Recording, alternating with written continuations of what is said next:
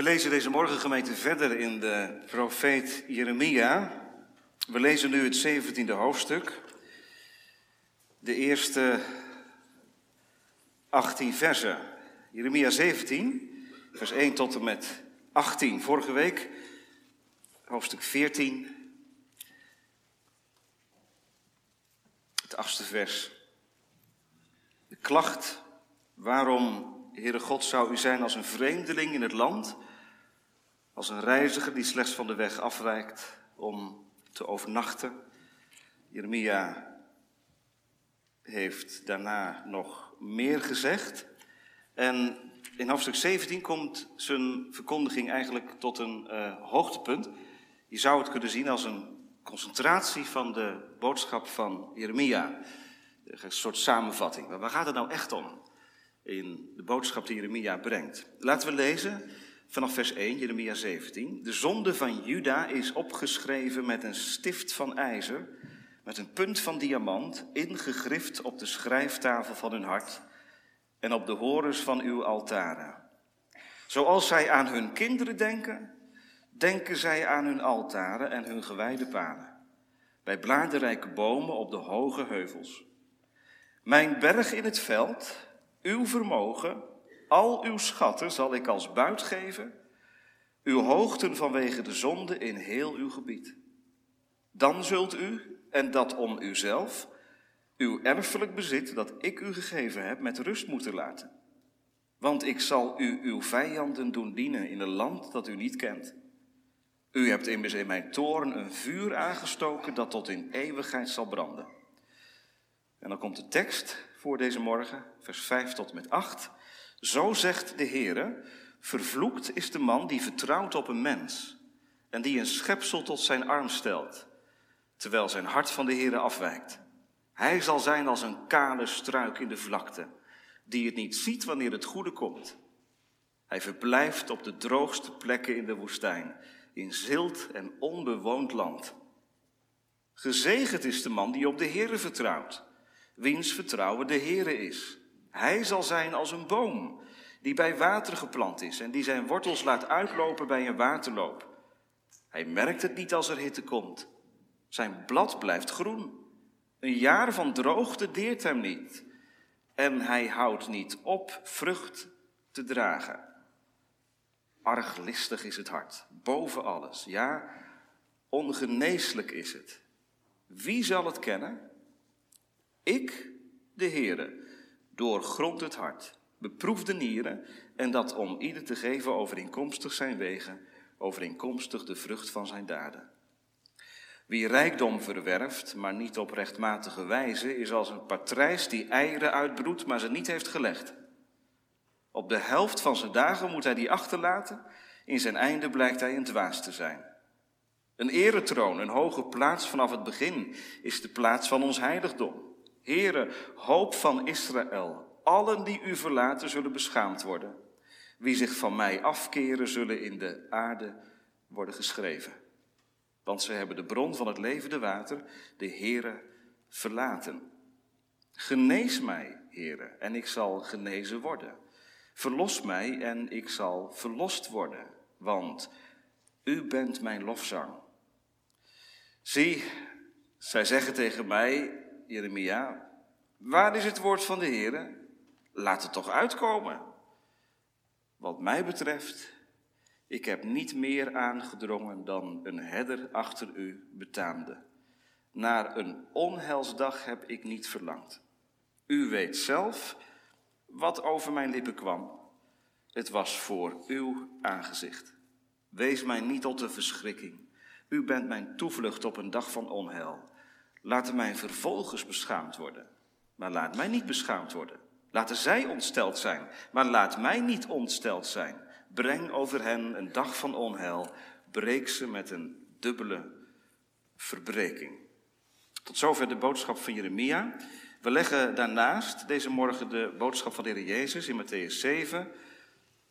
Bekende woorden over de nauwe poort. Matthäus 7, vers 13 en 14.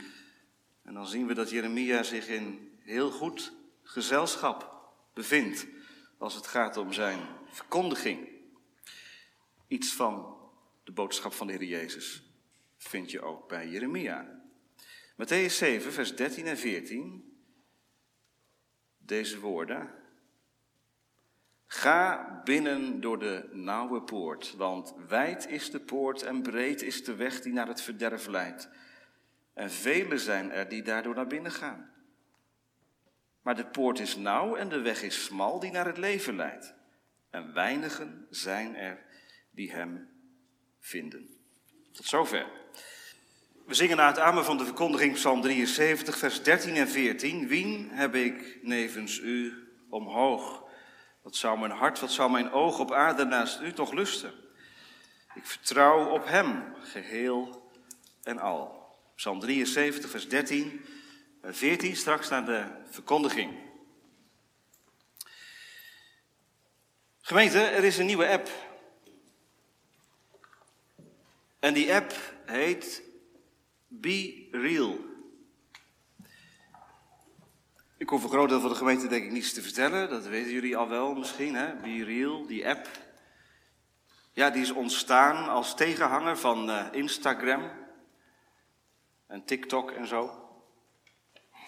Want ja, het is toch wel erg fake, allemaal nep, wat daar op die uh, sociale media verschijnt. Tenminste, dat kan, hè?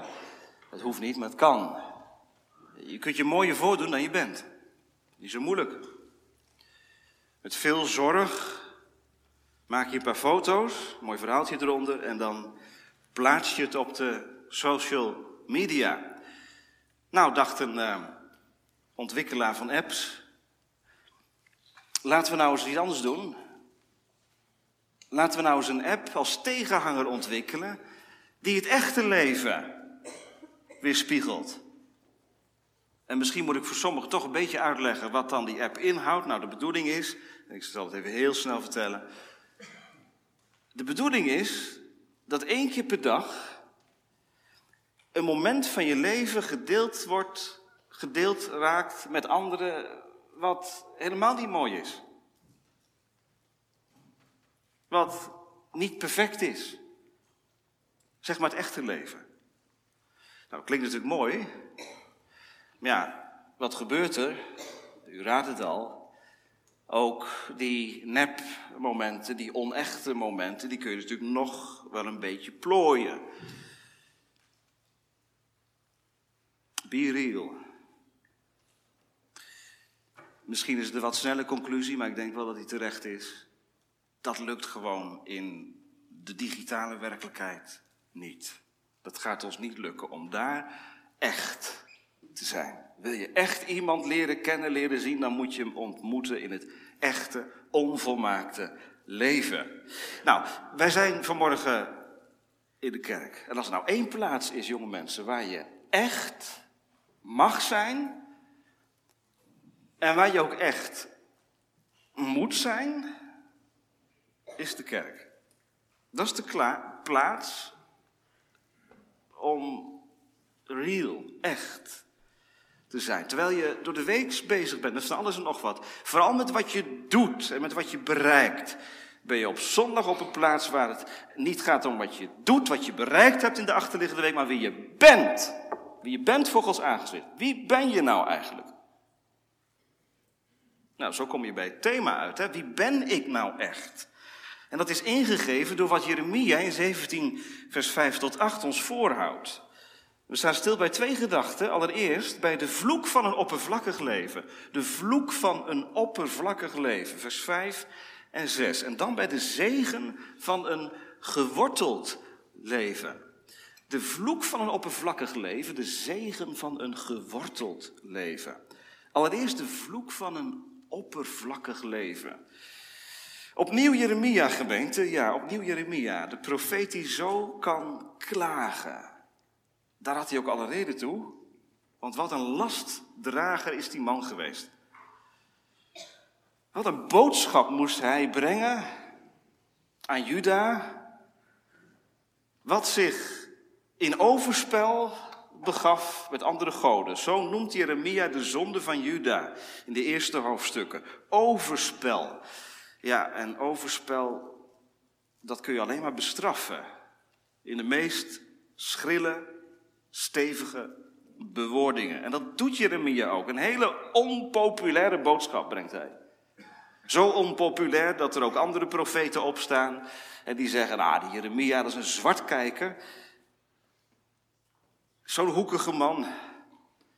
Weet je, het kan ook echt wel anders. Natuurlijk, we doen dingen niet goed, we zijn allemaal wel zondaren, maar die oordelen van God, die waar je wel over. Je moet Jeremia niet te serieus nemen. Valse profeten als Hanania en Semaja, later in uh, het boek Jeremia duiken ze op. En er zijn er meer, die brengen een veel prettiger boodschap. Waar je ja, aan kunt warmen. Nou, zo niet aan Jeremia's boodschap. Want die prikt door alle religie en alle vroomheid heen. U weet dat misschien nog wel van vorige week zondag, dat dat de ellende ook was van het volk van Juda. Ze dweepten met hun godsdienst. Maar we gaan toch naar de kerk, we gaan toch naar de tempel en we offeren toch. Waarom die boodschap van oordeel? Komt goed. En zo preekt Jeremia door, week na week, en er lijkt niemand te luisteren. En als we dan Jeremia 17 openen, ik zei het al, dan komen we eigenlijk de concentratie, de hoofdboodschap, de samenvatting van, zijn, van al die hoofdstukken hiervoor op het spoor. Waar komt het nu echt op aan? Nou, dat zegt Jeremia dan in hoofdstuk 17. En vergissen we ons niet, gemeente, Jeremia is geen zwartkijker. Zo wordt hij wel afgeschilderd, maar dat is niet waar. Hij is een, een profeet. En hij ziet door de dingen heen. Hij peilt heel diep. Dat is een vermogen wat de Heilige Geest hem gegeven heeft. En ik geloof dat dat nog steeds gegeven wordt, ook aan kinderen van God, aan christenen. Mag je komen bidden?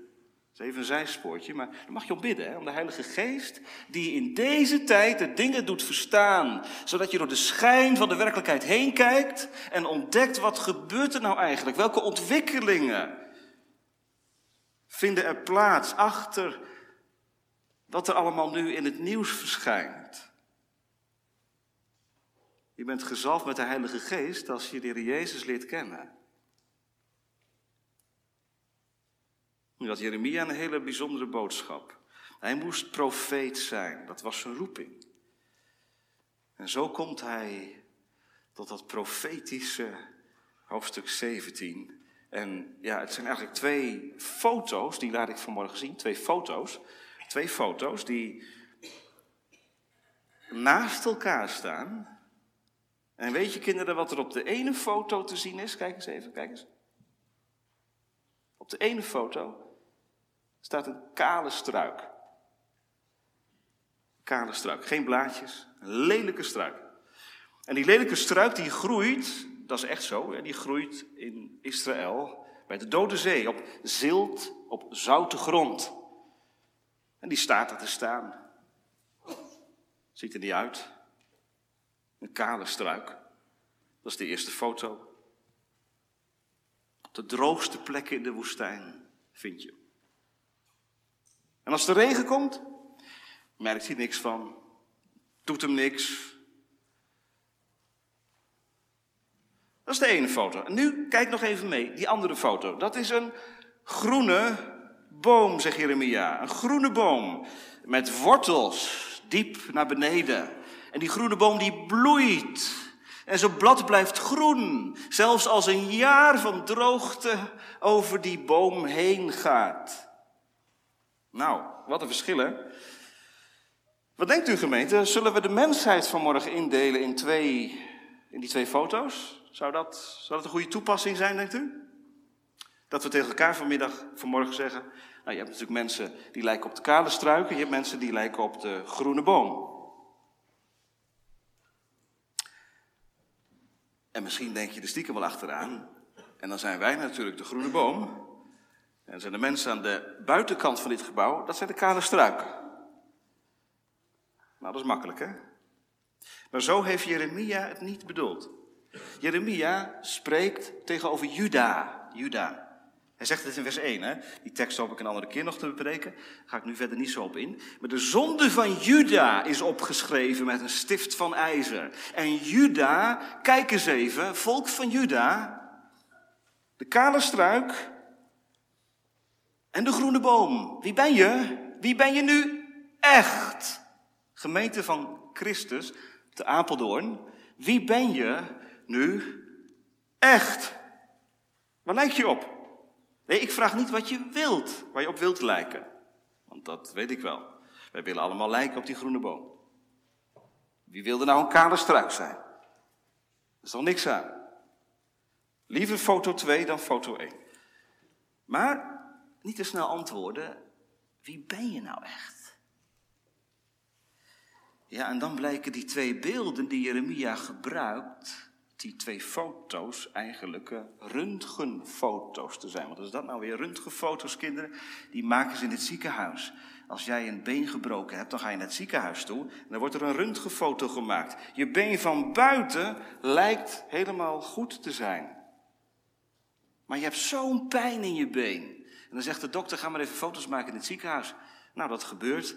En dan zegt uh, de, de, man of de vrouw die de foto's maakt, kijk eens even, dit is een breuk. Zie je dat? Dat zie je van buiten niet, maar door die röntgenfoto zie je het wel. Wat is de röntgenfoto dan van die kale struik? Nou, kijk maar mee in je Bijbel. Dat is een jongen, een man, een vrouw, een meisje, die vertrouwt op een mens, die een schepsel tot zijn arm stelt en wiens hart van de Heer afwijkt. Drie dingen worden daar genoemd. Drie beschrijvingen.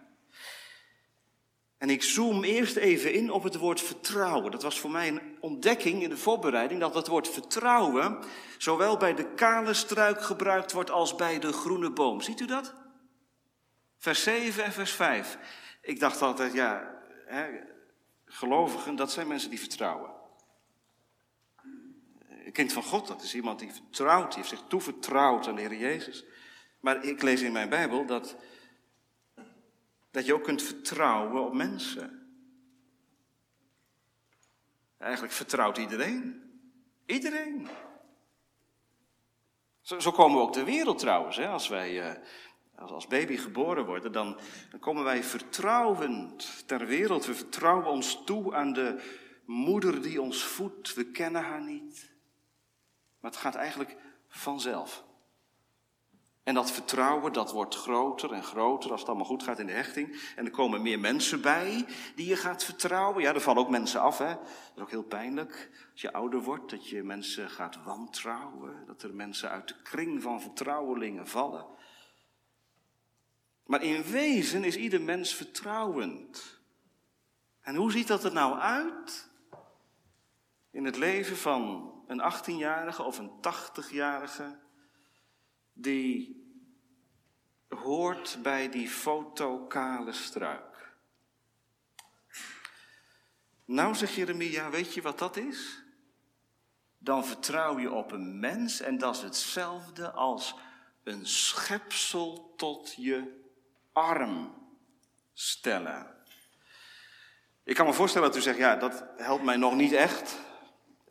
Wat betekent dat dan? Een schepsel tot je arm stellen? Nou, heel eenvoudig voorbeeld. Hè? De ouders vandaag zullen het misschien wel herkennen. Hè? Geef me eens een arm. Geef me eens een arm. Waarom vraag je dat?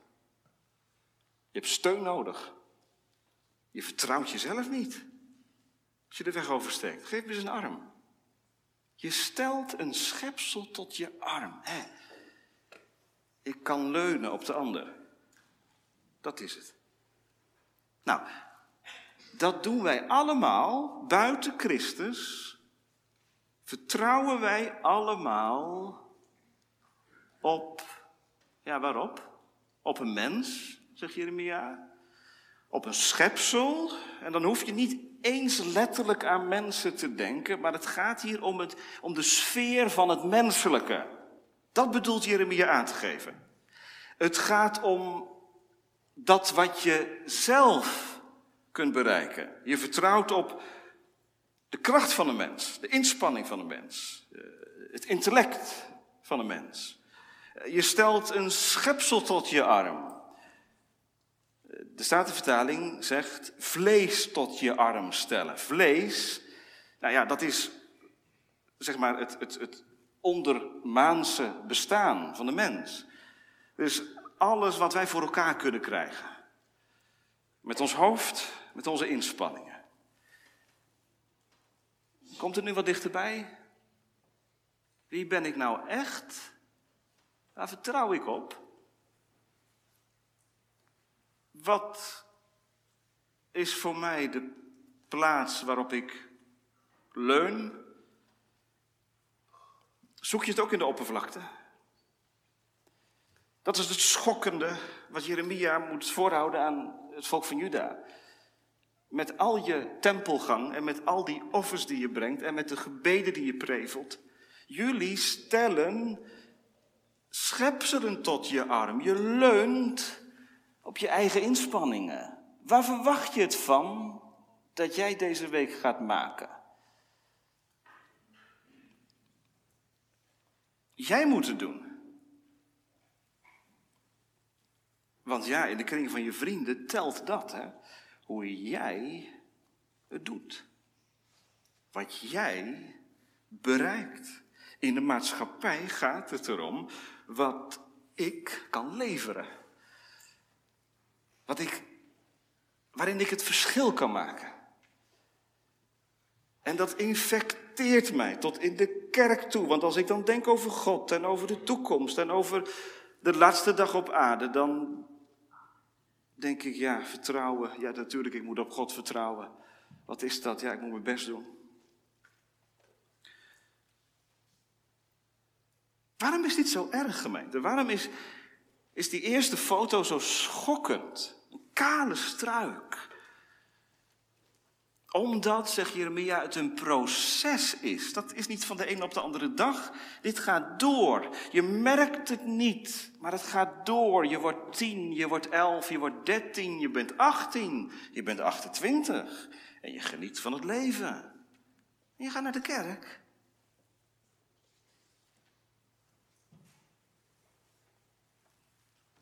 Maar wat telt nou echt in je leven?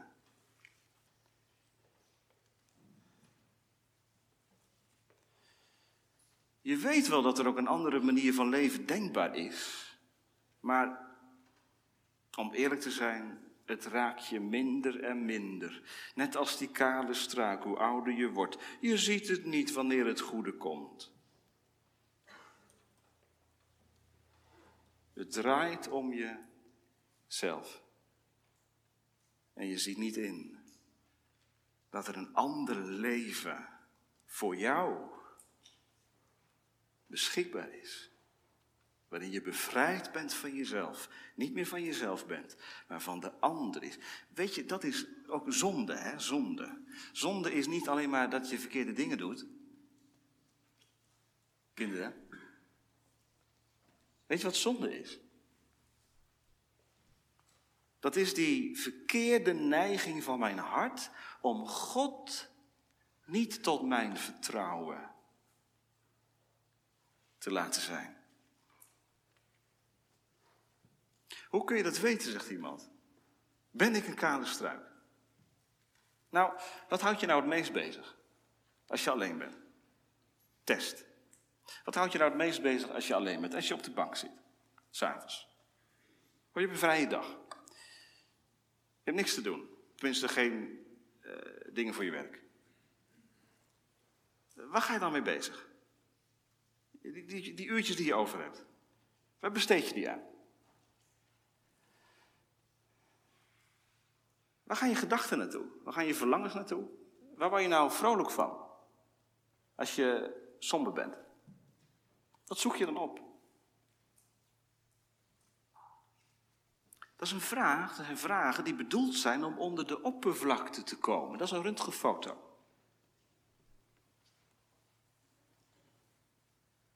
er moet een antwoord komen. Jeremia zegt niet, oh, het is niet verstandig hoor, om eh, een schepsel tot je arm te stellen. Want ja, je kunt zomaar een kale struik zijn. Jeremia zegt, ja, en dan ga ik dat woord gebruiken, vervloekt. Vervloekt is de man de vrouw die vertrouwt op een mens en die schepsel tot zijn arm stelt. Je haalt het oordeel van God over je heen. Dat doe je. Dat hoeft niet, maar je doet het wel. Je laat de vloek van God op je. Dat hoeft niet, maar je doet het wel. Want je vertrouwt op een mens en je stelt een schepsel tot je arm en dan is de conclusie, je hart wijkt langzaam maar zeker van de Here af. Dat woord afwijken komt in het Oude Testament veel voor. Daar is het volk van Israël mee geconfronteerd. Zij weken van de Here af. Hun weg week van de Here af. Ja, dat is de zonde van Adam. Ons hart wijkt van de Here af. Wij denken bij zonde ook heel vaak aan, aan hele grove overtredingen. En vreselijke dingen waarvan we allemaal hoofdschuddend zeggen: jongen, jongen, jongen, wat een zonde toch, wat een goddeloosheid. Nee, je hart van de Heer afwijken, dat is net zo goddeloos. Dat is net zo goddeloos. Vervloekt. Ik schrik altijd van het woord, zegt iemand. Ik ook. Ik gebruik het ook niet graag, dat zal ik u eerlijk zeggen.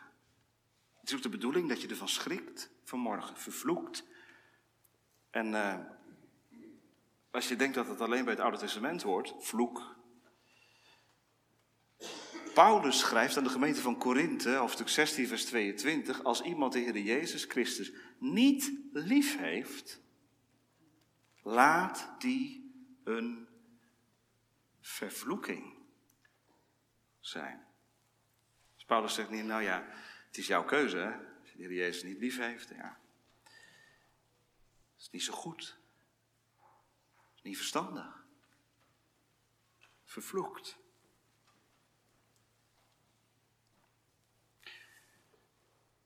Jongens, is dat wat je zou willen? Dat je leven als een kale struik uiteindelijk gerooid wordt, weggeworpen.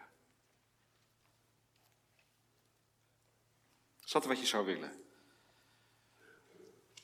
Kijk, en mensen kunnen zeggen, nou die man die floreert hè. Zo. Wat een carrière. Wat een publicaties. Wat een verstand. Wat een invloed. Wat een vrienden heeft die jongen. Wat een gangmaker. En God zegt, met een kale struik.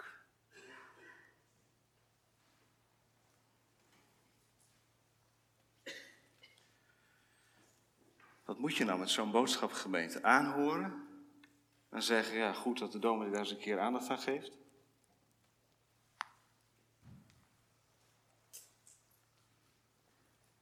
Ga je op je knieën?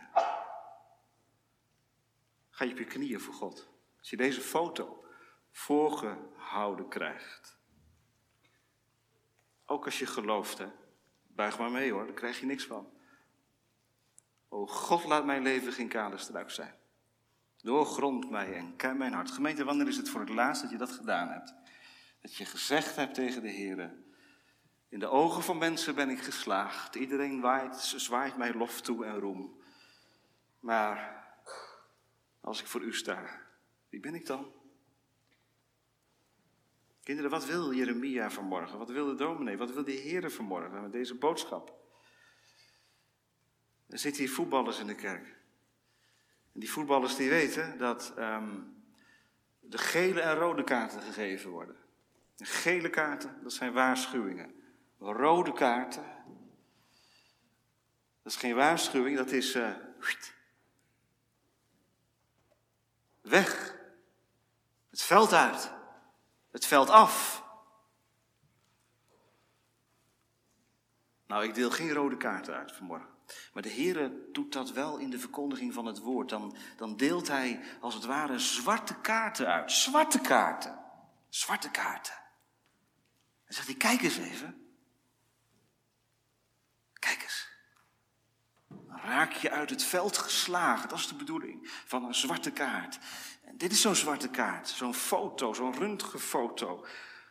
Oh, maar daar word je toch niet blij van, zegt iemand. Een voetballer wordt niet blij van de rode kaart. Die zit zich op te eten langs de kant van het veld. En iemand die de zwarte kaart ontvangt en hem eerlijk naar zich toe haalt en niet zegt, nou laat ik maar mijn buurman geven, want die kan het goed gebruiken, die zwarte kaart. Nee, weet je, God wordt er zo blij van.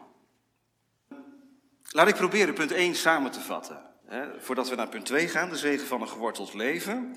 Met een theorie die in het bedrijfsleven um, wel gebruikt wordt, de, U-theorie op zijn Nederlands.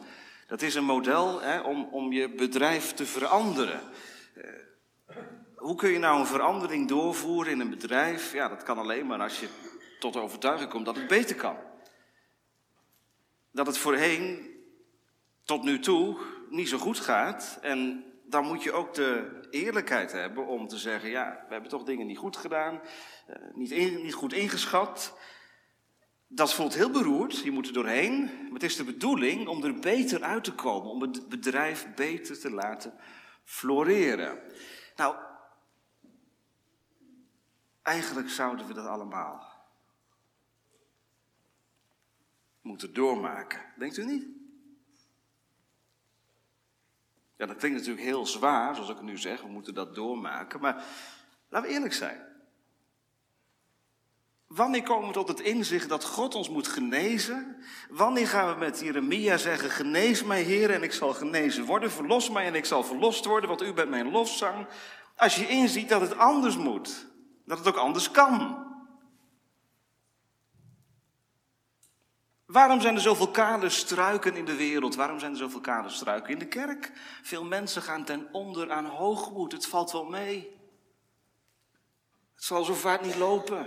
Ik doe toch mijn best. Ik ben religieus. Nee, wie vertrouw je?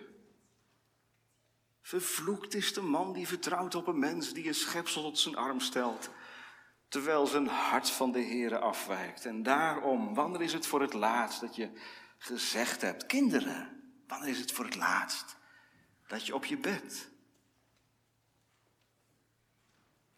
tegen God in de hemel gezegd hebt, ken mijn hart, o God, dat ik geen kale struik zal zijn. Maar een bloeiende boom. Nou, zegt iemand, dat zal eh, blijken. Hè? Als ik straks mijn laatste adem uitblaas, als straks het grote eindexamen gehouden zal worden, dan zal blijken wie er zakt en wie er slaagt. Ja, zo denken heel veel mensen in de kerk. Die verplaatsen alles naar de grote dag. Die zeggen, ja, dan, dan gaat de rechter de boeken open en dan zal het blijken. Hoor ik erbij, hoor ik er niet bij? Ga ik naar de hel, ga ik naar de hemel?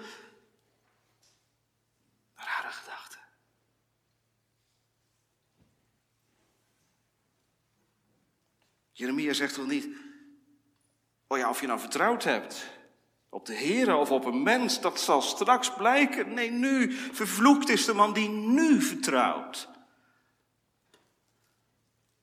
Het gaat om vandaag, gemeente. Om vandaag. Aan wie vertrouw je vandaag? Jezelf toe. Dat brengt me bij de laatste gedachte. De zegen van een geworteld leven. De groene boom. Het beeld van de mens die op de Heere vertrouwd, prachtig woord. Hè? Dat is heel anders dan een schepsel tot je arm stellen. Dat ligt in de sfeer van, wat kan ik doen, wat kan ik bereiken? Maar dit ligt in de sfeer van, Heere, u moet het doen. Ziet u dat? Dat eerste beeld, dat is de oppervlakte. Vertrouwen op een mens. Schepsel tot je arm stellen. Tweede beeld, dat is het beeld van de verticale lijn. En van het wortelen naar beneden. Dat is precies het tegenovergestelde als wat wij van nature geneigd zijn te doen. Wat is vertrouwen, gemeente? Wat is vertrouwen? Het grondwoord betekent zoveel als met je gewicht ergens op leunen. Mooi is dat. Als dat van je leven geldt. Opengebroken, opengebloeid, vertrouwen gekregen. Dat moet groeien, hè? moet groeien. Hoe zorgt God daarvoor? Blijven komen. Blijven komen naar de kerk. Lezen in je Bijbel. Waarom? Waarom? En bidden, niet te vergeten, bidden. Zo ontstaat vertrouwen. De Heilige Geest werkt geleidelijk. Hij ontdekt mij aan wie ik ben en hij doet mij openbloeien naar God toe, naar de Here toe. Prachtig, hè? Ziet u dat staan? Vijf hoofdletters. De Heere, de God van het verbond, de God die het vertrouwen waard is. Want wie zegt, ja, God is heel ver weg, die moet in vers 7 maar eens kijken hoe Jeremia God daar aanspreekt. Het is de Heere, die is niet ver weg, kinderen, die is dichtbij. Die heeft je aangeraakt in het uur van je doop. Zo dichtbij is Hij. Hij daalde af bij de Sinaï. En daar maakte de Heer zijn geboden bekend aan het volk van Israël. Hij zocht zijn volk op, keer op keer. Hij liep ze achterna. Er staat ergens een prachtig beeld in het Oude Testament dat de Heer het volk van Israël heeft leren lopen. Nou, dat doe je als vader en moeder, hè? Je leert je kind lopen. Wat is er dan nodig? Dat je kindje vertrouwt. Dat dat kindje zich helemaal aan je overgeeft. Zo hebben we onze kinderen leren lopen. Zo heb ik zelf leren lopen. Je vertrouwt je toe. En weet je wat er in de Bijbel staat over het volk van Israël?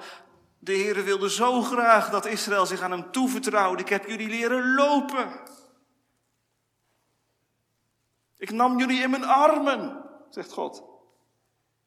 Wij denken vaak, ja, God, die moet zich eerst maar eens bewijzen als degene die het vertrouwen waard is. Nee, hij is het vertrouwen waard.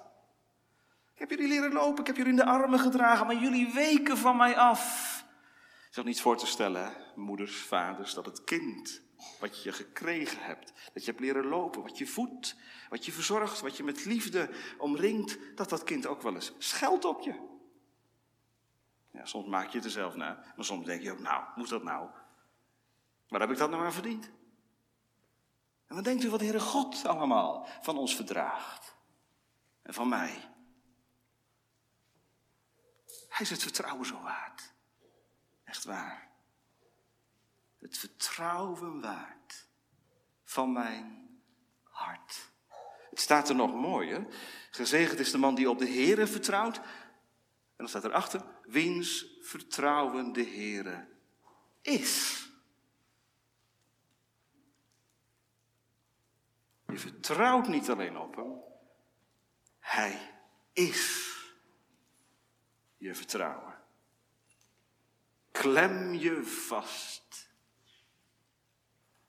aan die brandweerman die het brandende huis binnenkomt. Jij ligt op je slaapkamer, je ruikt de rook, je hoort de vlammen loeien en die brandweerman die komt in de slaapkamer en die zegt, kom maar. Nou, welk kind zegt dan, ja, maar wie zegt dat ik u kan vertrouwen? Bent u wel sterk genoeg? Kom! Zo is God uit op je, op je hart. Hij dingt om je hart. Hij wil je vertrouwen. Kinderen, jonge mensen. Hij wil je vertrouwen. Hij heeft zijn hart gegeven. Hij heeft zijn alles gegeven. Hij heeft zijn lieve zoon gegeven. Zo dichtbij kwam hij. Je hoeft niets te doen. Alles is gedaan. Vertrouw Hem. Wentel je weg op de Heer en vertrouw op Hem. En neem nou vanmorgen geen genoegen met een theorie. Ik weet dat God het vertrouwen waard is. Nee, vertrouwen. Waarom is het zo belangrijk? Nou, het vertrouwen zorgt voor een verbindingspunt tussen jou en God. Het geloof, het vertrouwen verbindt ons aan de Heer Jezus Christus. Heb je dat ontdekt? Geloof je dat? Heeft je niet bedoeld om als een kale struik verloren te laten gaan, maar gezegend te leven als een boom die bij water geplant is, zegt Jeremia, die zijn wortels laat uitlopen. En als er hitte komt, zijn blad blijft groen. En als er een jaar van droogte komt, nou dat is nogal wat, een jaar van droogte, deert hem niet. Hij draagt toch vrucht. Dat is de zegen van een leven met de Heer. Al komt de tegendruk. Al wordt er veel van je afgenomen. Al raak je veel kwijt. Al loop je verwondingen op. Al doen veel dingen pijn. Toch is Hij je vertrouwen. Sterker nog, in tegenslag blijkt wie het vertrouwen van je hart is. Asaf is dit, we gaan straks zingen. Bezwijk dan ooit in bittere smart. Stel dat ik op mijn bed lig en alles moet ik loslaten. Mijn vlees, mijn hart, alles bezwijkt. Dan is God de rotsteen van mijn hart. Nou, ben je dan gezegend of niet? Dan ben je gezegend. Je kunt veel geluk hebben, maar dat betekent nog niet dat je gezegend bent. Gezegend ben je als je vertrouwt, je aan de Here toevertrouwt. Aan eindige gemeente. Stel nou, hè, stel nou dat, dat jouw leven, dat mijn leven, te vergelijken is met de waterstand die in de rivier de Elbe op dit moment heel laag is. Er is overal tekort aan water, dat weet u wel. Uh, rivieren zijn uh, ontzettend uh, klein geworden, smalle stroompjes. Nou, zo ook de rivier de Elbe in Tsjechië. En wat is daar gebeurd? In Tsjechië hebben ze stenen ontdekt. Ja, dat is wel logisch. Nee, hongerstenen. Hongerstenen, was van gehoord? Ik had er nog nooit van gehoord. Die zijn er al even geleden neergelegd. En op die hongerstenen staat, als u mij ziet, huil. Wijnen. Als u mij ziet, huil.